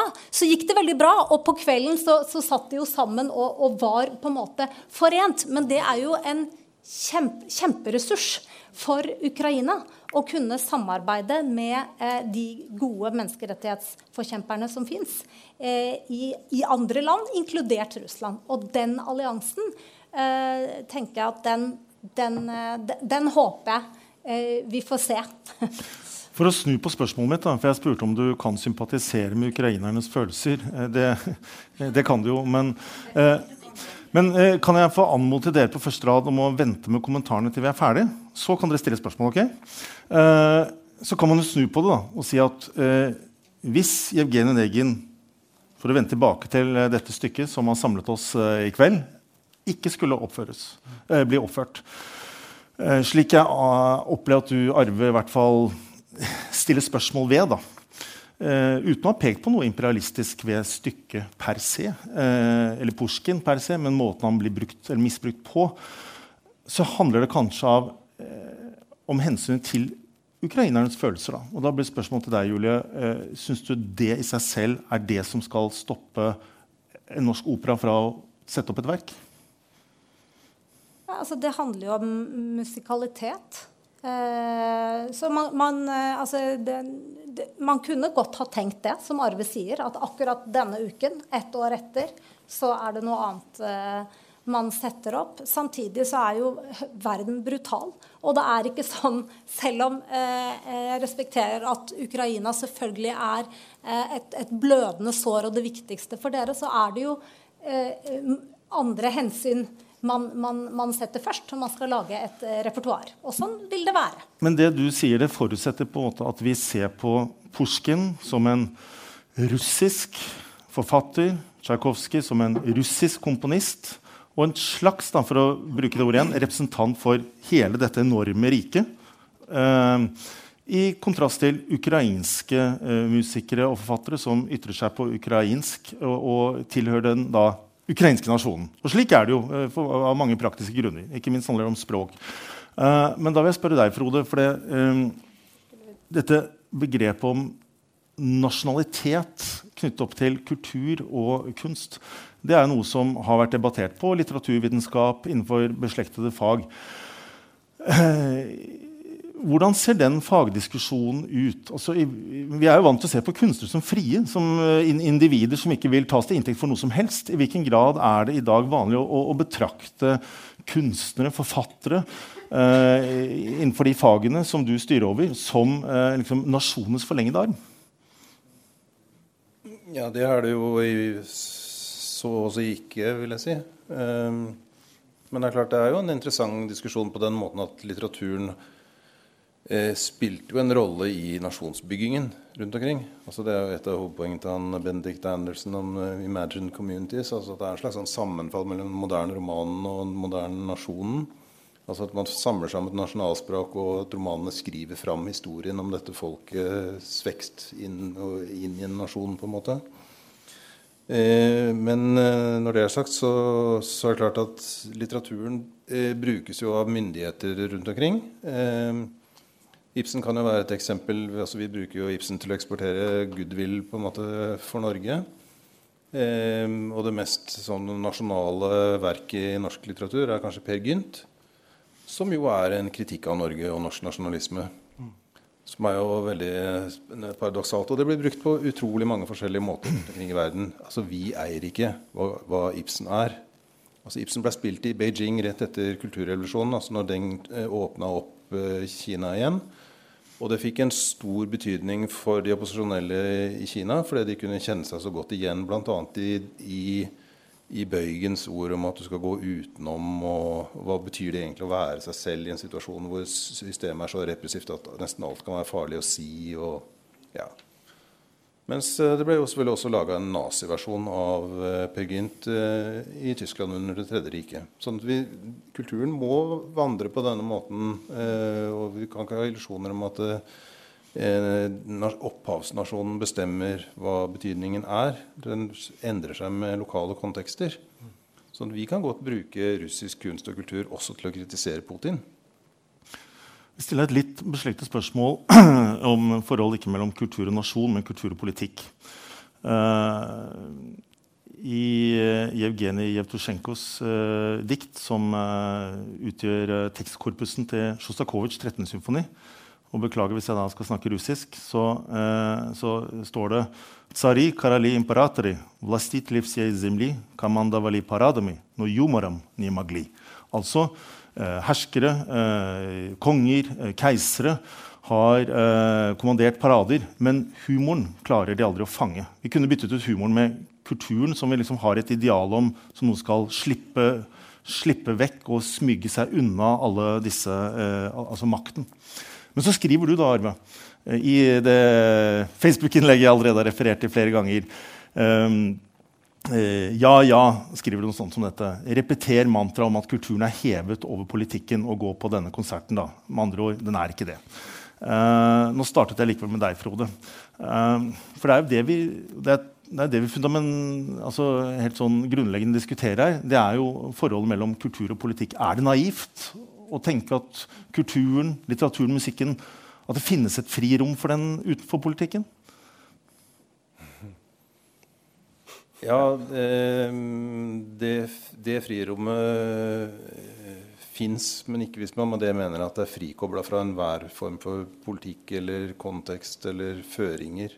Altså eh, Litteraturen blir brukt, og det er derfor jeg sa at eh, jeg tror at hvis Putin hadde noe, hatt noe å si om denne oppsetningen, så ville han vært for at den skulle settes opp. Altså, det, man slipper nok ikke, Kunsten kan ikke slippe unna eh, den konteksten som også fins innenfor. Men det er klart, eh, kunsten er vel uttrykk for det i mennesket som er vanskeligst å undertrykke. Altså, som er jo fantasien og humoren og følelsene og begjæret. Og, altså, det lever jo heldigvis eh, eh, sitt eget liv. Men jeg har ikke noe tro på en ren kunst som ikke har noe med, med historien og virkeligheten og politikken å gjøre. Derfor er dette en interessant diskusjon. Julie, du vil også kommentere dette? Ja, for det at eh, kulturen kan være et frifelt, et universelt felt. Et felt der eh, alle kan møtes på tvers av eh, nasjoner og ulike gruppekategorier. Men det krever at den opprettholdes som det. Eh, eh, mitt eh, viktigste forskningsprosjekt som jeg holder på med, det heter 'When Every Act Is War'. Og det handler om hva som skjer når internasjonal politikk begynner å tolke og bruke absolutt alle felt der stater samhandler, som et konfliktfelt.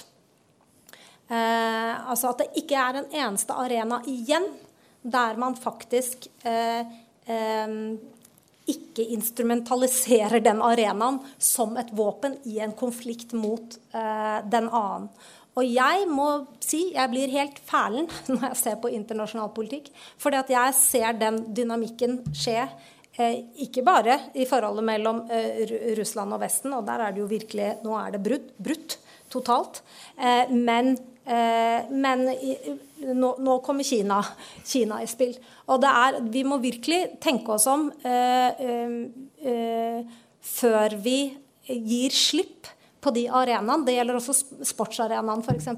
Før vi gir slipp på de arenaene, arenaene hvor man helt bevisst hegner om en samhandling som ikke er konfliktorientert. Eh, så det, det, skremmer meg litt. Eh, for det er nettopp som du snakker om, potensielt broen. da. Når vi, når vi, kommer ut av denne nye kalde krigen som vi braser inn i nå, i forhold til Russland, kanskje i forhold til Kina, hvor det handler om at grensene skal opp, murene skal opp, eh, forsvarsbudsjettene skal opp. Eh, når vi en eller annen gang skal begynne å vikle oss ut av det igjen, så er vi nødt til å begynne et sted.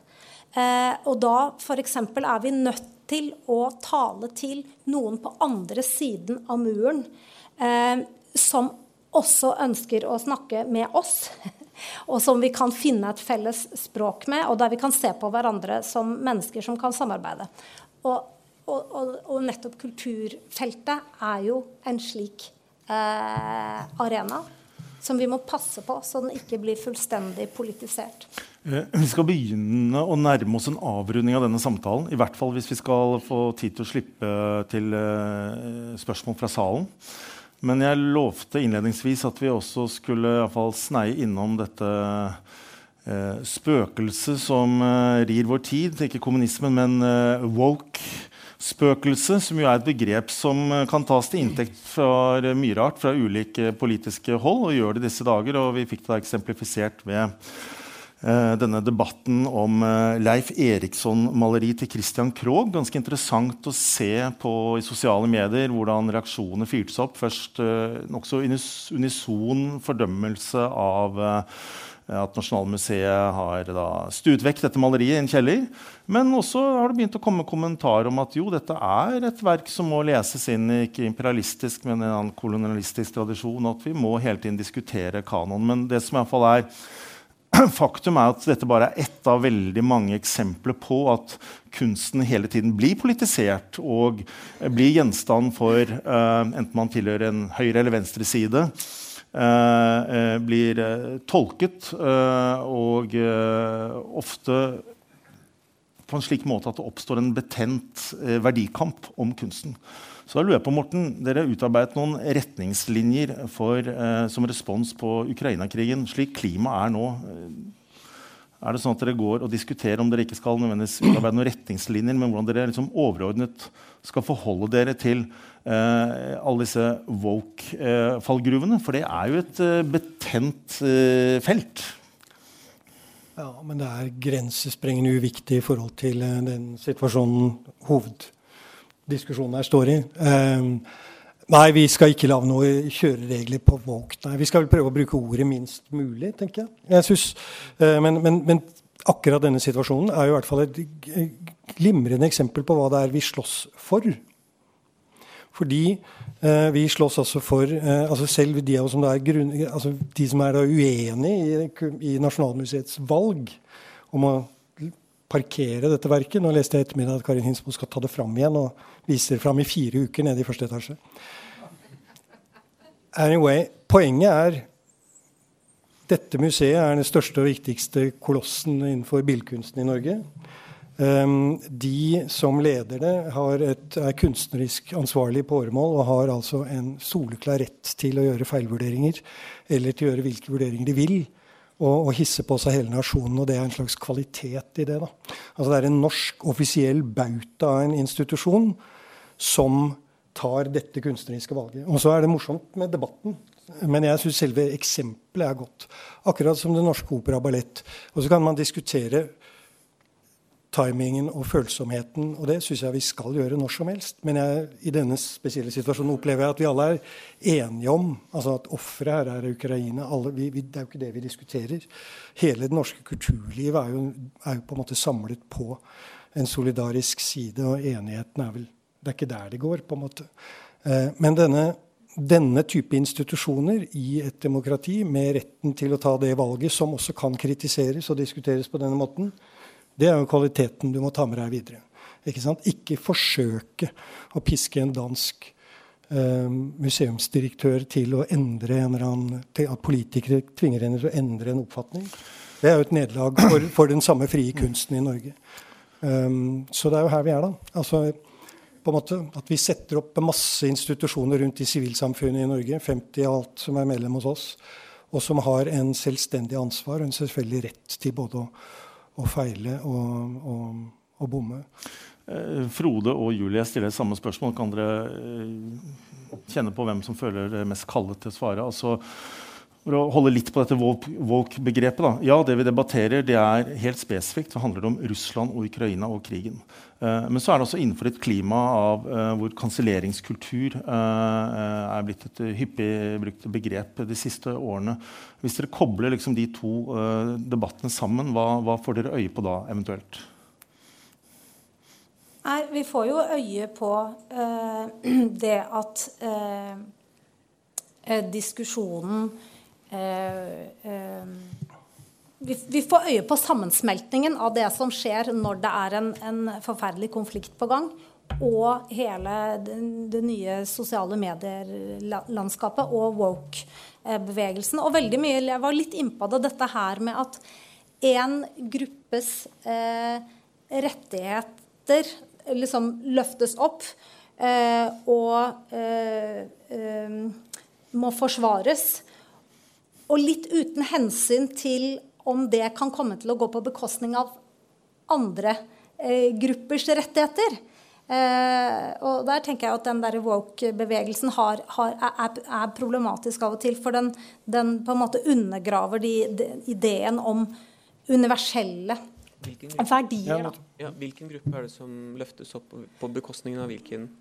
Nei, altså øh, Og nå snakker jeg ikke om krigen, men jeg snakker om den tendensen til å øh, koble øh, Putin til alt som er russisk, og tenke at alle, alle, som han har valgt å instrumentalisere og misbruke, må vi også da ta avstand fra, fordi han mis, misbruker det. Eh, det, det syns jeg er et problematisk eh, premiss og en problematisk eh, utvikling. Jeg vet ikke om jeg uttrykte det. Men det syns ikke du, Arve? Altså, faktum er jo at eh, altså, Vi har ikke noe godt ord for 'weaponized', altså gjort om til mm. våpen, eh, på norsk. det er faktum at sport har blitt gjort om til et våpen. Kultur har blitt gjort om til våpen. Økonomi og gasspolitikk og, og også eh, konvensjonelle militære våpen har blitt brukt om til våpen. Og vi kan ikke ikke anerkjenne at det faktisk brukes som våpen. Og vi må på en måte Et sted så må vi reagere. og om det er riktig eller ikke å, å nekte russiske idrettsutøvere å delta i internasjonale stevner og slik altså, i, i den grad de faktisk blir løftet opp som helter og som representanter for et forkastelig regime, så kan vi ikke tillate at de, at de er ute og, og, og reklamerer um, på den internasjonale, internasjonale arenaen, mener jeg. Um, kultur er litt annerledes, for dette er mennesker som uh, levde og døde for, uh, for, hundrevis av år siden. Lever. Uh, noen av dem lever. Ja, ja lever. ja. Eh, men, men det er likevel problematisk å, å, ikke anerkjenne at, det faktisk, at de er på noen måte. Nå opplever jeg nesten at ringen har sluttet til det vi begynte debatten med. Eh, og vi må begynne å slutte debatten, men du hadde en liten eh, finger i været, Frode. Nei, jeg, bare, jeg, er enig i det om at uh, Putin uh, gjør et våpen ut av alt mulig rart. Men, men, vi skal være forsiktige med å bli med på den logikken. For det kan hende at en oppsetning som dette kan vise oss noe annet og mer. Det kan hende at den kan vise oss at, eh, at det er mennesker også i Russland, og at det, det fins kunst og skjønnhet og de samme grunnleggende følelsene om kjærlighet. At det er en viktig verdi å holde ord. Altså Det er mange sånne ting i denne oppsetningen som også er viktig. Og Det blir egentlig mitt siste spørsmål til dere. For det, du skriver da nei, Siste gang jeg skal sitere Facebook-posten din, Arve, eh, at, eh, at eh, ett år inn i Russlands brutale angrepskrig så setter altså operaen opp Evgenij Negen av Tsjajkovskij. Og så kunne man jo også si da Ja, ett år inn i krigen mens kulene eh, blir avfyrt fyrt, og bombene faller, og voksne og barn dør, så sitter vi her i operaen og diskuterer om vi skal sette opp Jevgenij Onegin eller ikke, som om Eller kanskje de gjør det, da. Noen i Russland eller noen i Ukraina eh, får eh, det med seg. Eh, er det viktig? Er det viktig at vi diskuterer dette i det store bildet?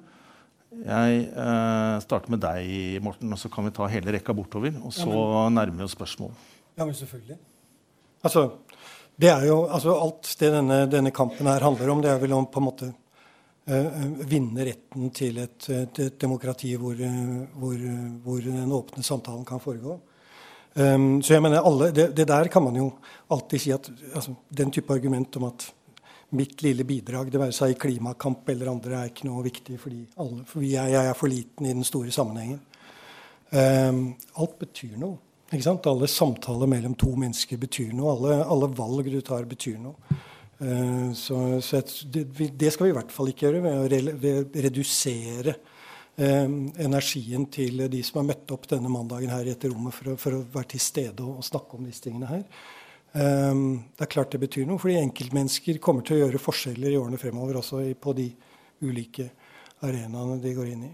Hva tenker du, Arven? Nå kan du klemme inn en sluttappell i svaret ditt. Ja, altså Hvis det kan føre til at uh, norske kulturinstitusjoner fokuserer litt mer på ukrainsk og litt mindre på russisk, uh, akkurat mens denne krigen foregår, så syns, syns jeg det er uh, veldig fint. Og Det er også Det betyr noe fordi vi faktisk viser de ukrainerne som bor her i Norge, at vi bryr oss om dem og har respekt for deres forferdelige situasjon. Vel, hadde føye til at bare sånn, for Jeg, ikke, jeg synes det har vært litt sånn, jeg har ikke lyst til å sitte her underveis og si at jo, jo, men nå skal du høre i Mosjøen skjer det, og i Trondheim det, osv. For det føles litt sånn kleint å drive og, og fortelle det. Men, men, det er altså sånn også. Eh, både på Operaen og alle de andre over hele, over hele Norge at det, det, foregår ting. I morgen er det en solidaritetskonsert på Nasjonale Scene, største teatret midt i Bergen.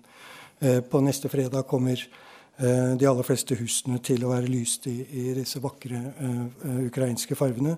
Sånn at det er, et, det er også et bilde av et kulturliv som er opptatt av dette der ute. Om, men utover det vi diskuterer i dag. Ja, men det er en, det er en Hvordan man skal uttrykke solidaritet fremover, blir en uh, interessant debatt.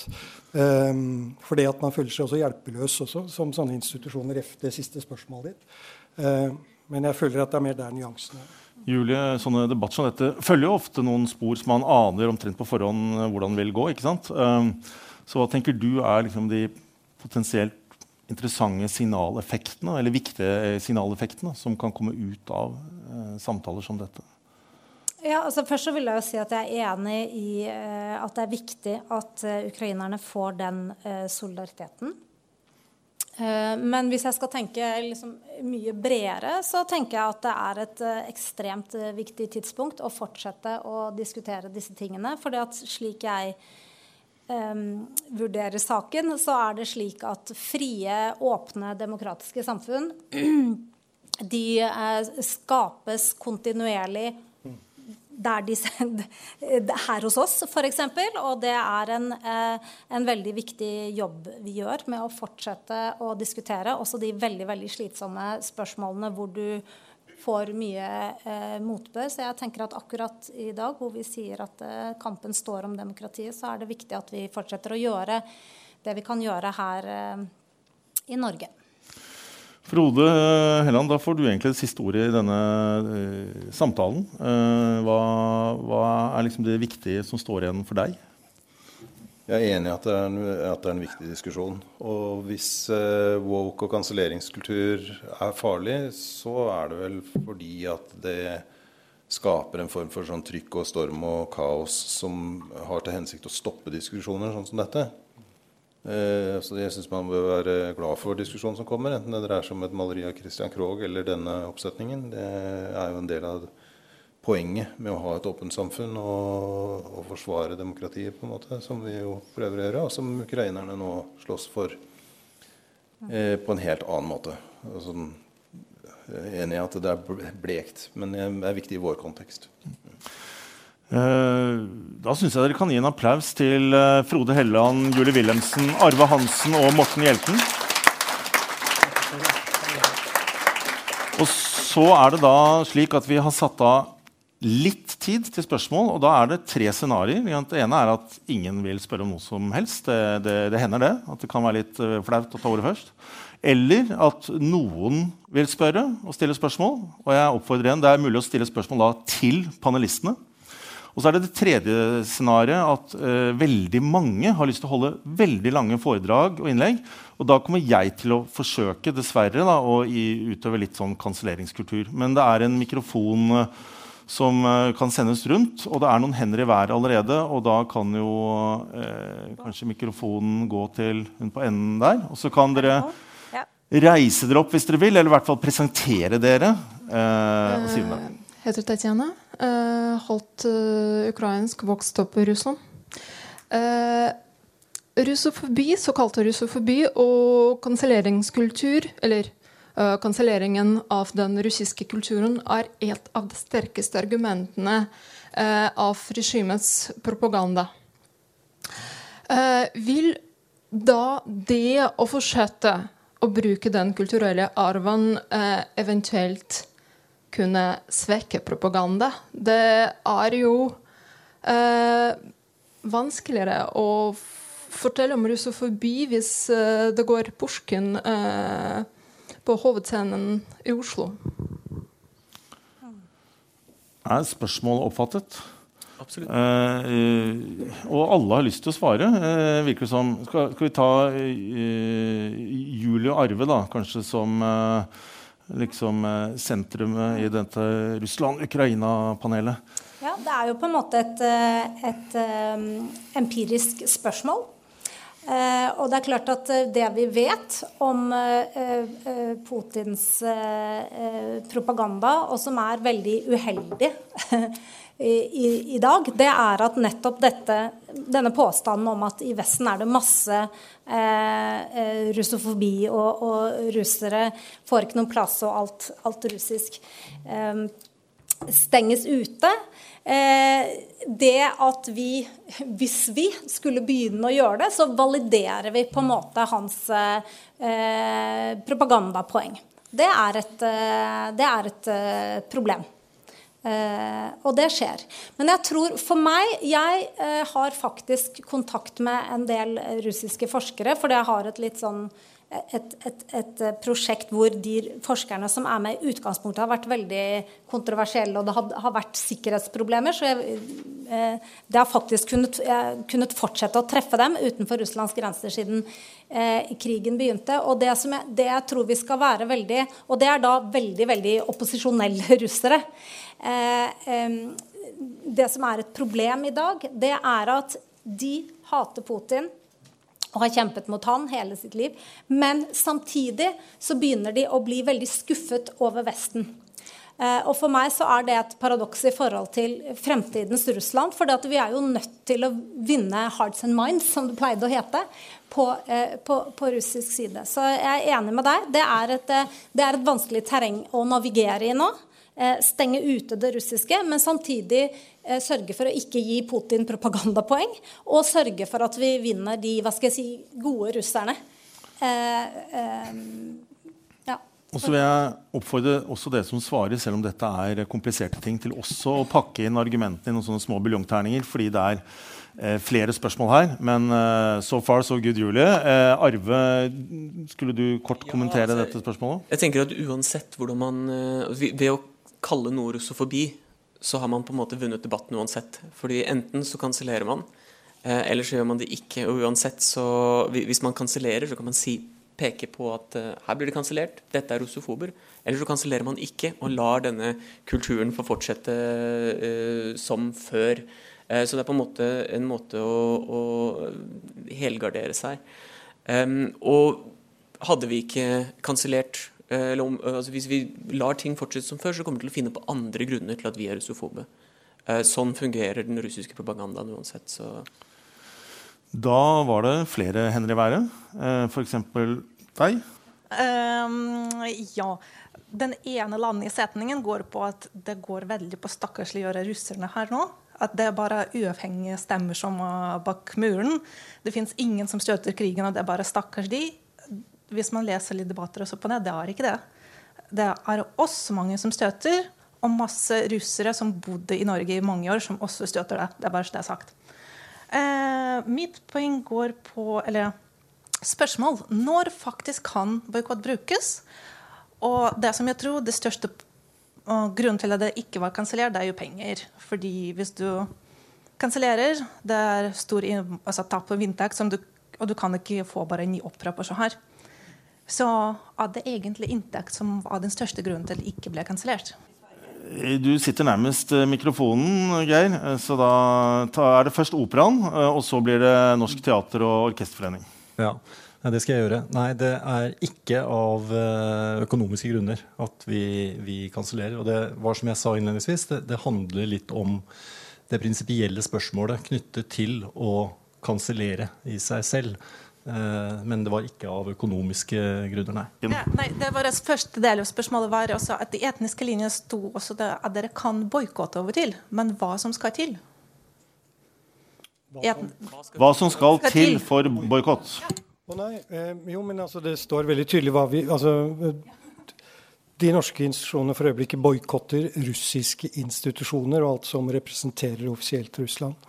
Eh, men vi tar altså ikke til orde for å boikotte eh, verk, kanon, altså eh, litteratur eller musikk, men lar det være opp til den enkelte institusjon, og også da sette det i Men, men det skal sette det i en kontekst. men det, det, vi vet likevel, er jo selvfølgelig at det, er, det, er, det spilles jo langt mindre enn det ville i, et, eh, i normale eh. Og spesielt innenfor teaterne så, så, ser man jo at når man da gjør det, så setter man det inn i en eller annen sammenheng som, som, eh, som, som er preget av, den, av, hele situasjonen. Men jeg tror jeg kan avkrefte at ja, ok, Jeg skal ikke fortelle hvordan amerikanske symfoniorkestre på en måte Eller britiske symfoniorkestre for den del eh, setter sammen økonomien sin. Og det er ikke noe tvil om at det kan godt hende at det der er en økonomisk side fordi det fins et stort publikum for klassikerne. Men jeg tror veldig fint det kan sette sammen en god økonomisk sesong eh, på, basert på mellomeuropeiske døde komponister eh, for tiden. Eh, ta gjerne en debatt om fornyelsen av det klassiske repertoaret eh, en annen dag. Um, men, uh, men uh, jeg tror det heldigvis ikke at økonomi er det avgjørende. Da var det i hvert fall to-tre hender til i været. Vi skal ta deg på første rad. I ukrainsk flagg. Hei. Julia Haugland fra den ukrainske forening i Norge. For det første så må jeg få lov til å si at vi stiller oss undrende for at uh, Den Norske Opera ikke fant det som interessant å ha en ukrainsk stemme i panelet mens dere var på jakt etter en russisk representant. Så da sendte vi en offisiell henvendelse til Den Norske Opera, hvor, de, hvor vi fordømmer da oppsetting av russiske verk i det at Russland driver terror, folkemord i Ukraina, tilintetgjør ukrainsk kultur og dreper verdensberømte ukrainske artister på slagmarken. Og så har vi et spørsmål til Den Norske Opera. I september 2022 så underskrevet Putin en erklæring som handler om den russiske verden, som panelet refererte til. Og der står det klart og tydelig at russisk kultur er et instrument og et våpen for å oppnå Russlands politiske mål. Hva tenker dere? For i våre øyne så er Den norske opera en brikke i det skitne politiske spillet til Russland. Dere kan godt si at Tsjajkovskij er verdensarv, men i Putins sine øyne så er det russisk kultur som han skal bruke for å oppnå sine politiske mål. Hvordan føler dere dere når, dere når dere setter opp russiske verk? Da går mikrofonen tilbake til operaen. Takk. Det er, eh, det er jeg holdt på å si krevende, og jeg bare vil si det, at jeg føler utrolig med eh, hvordan det er. vanskelig for meg her i Norge å egentlig skjønne hvordan, hvordan dere opplever dette. Men jeg er nødt til å si at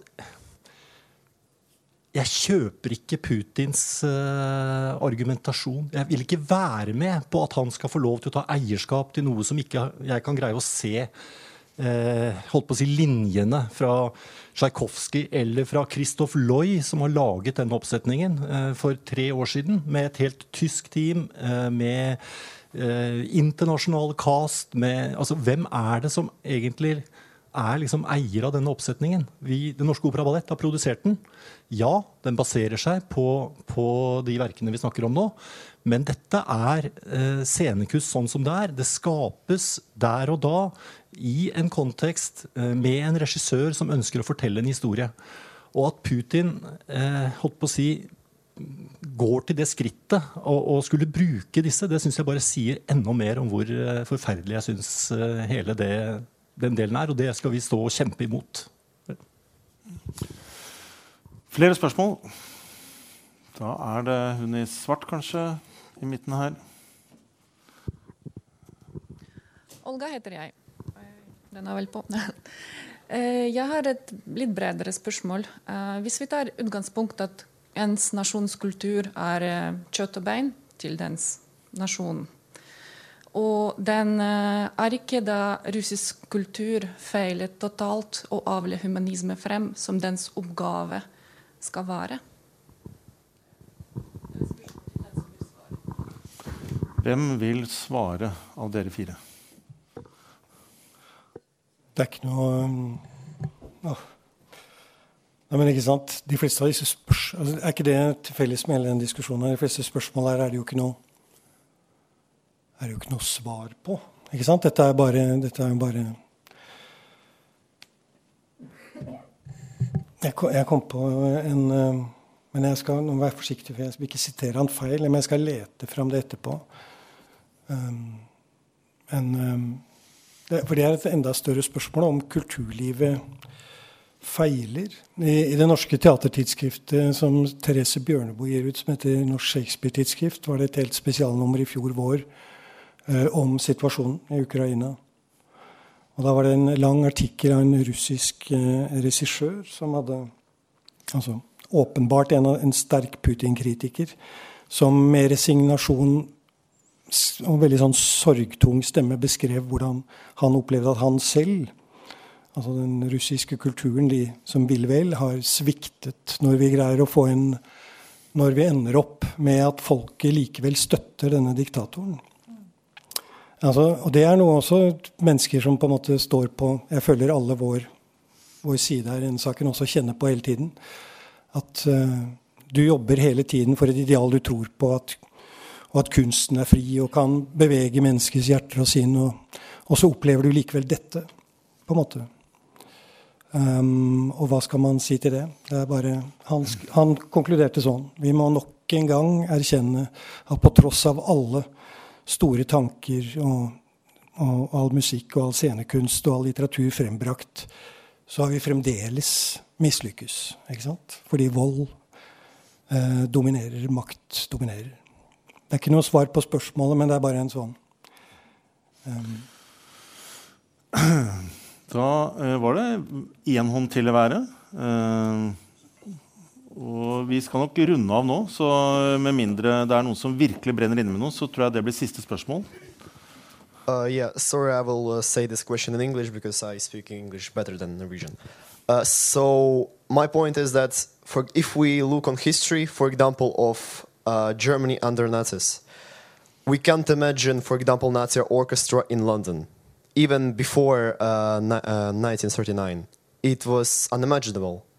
And my point is, if we look on history, uh, dictatorships like Nazi Germany, like Taliban, like North Korea, and other countries, they um, were unacceptable, even in culture way, for Europe.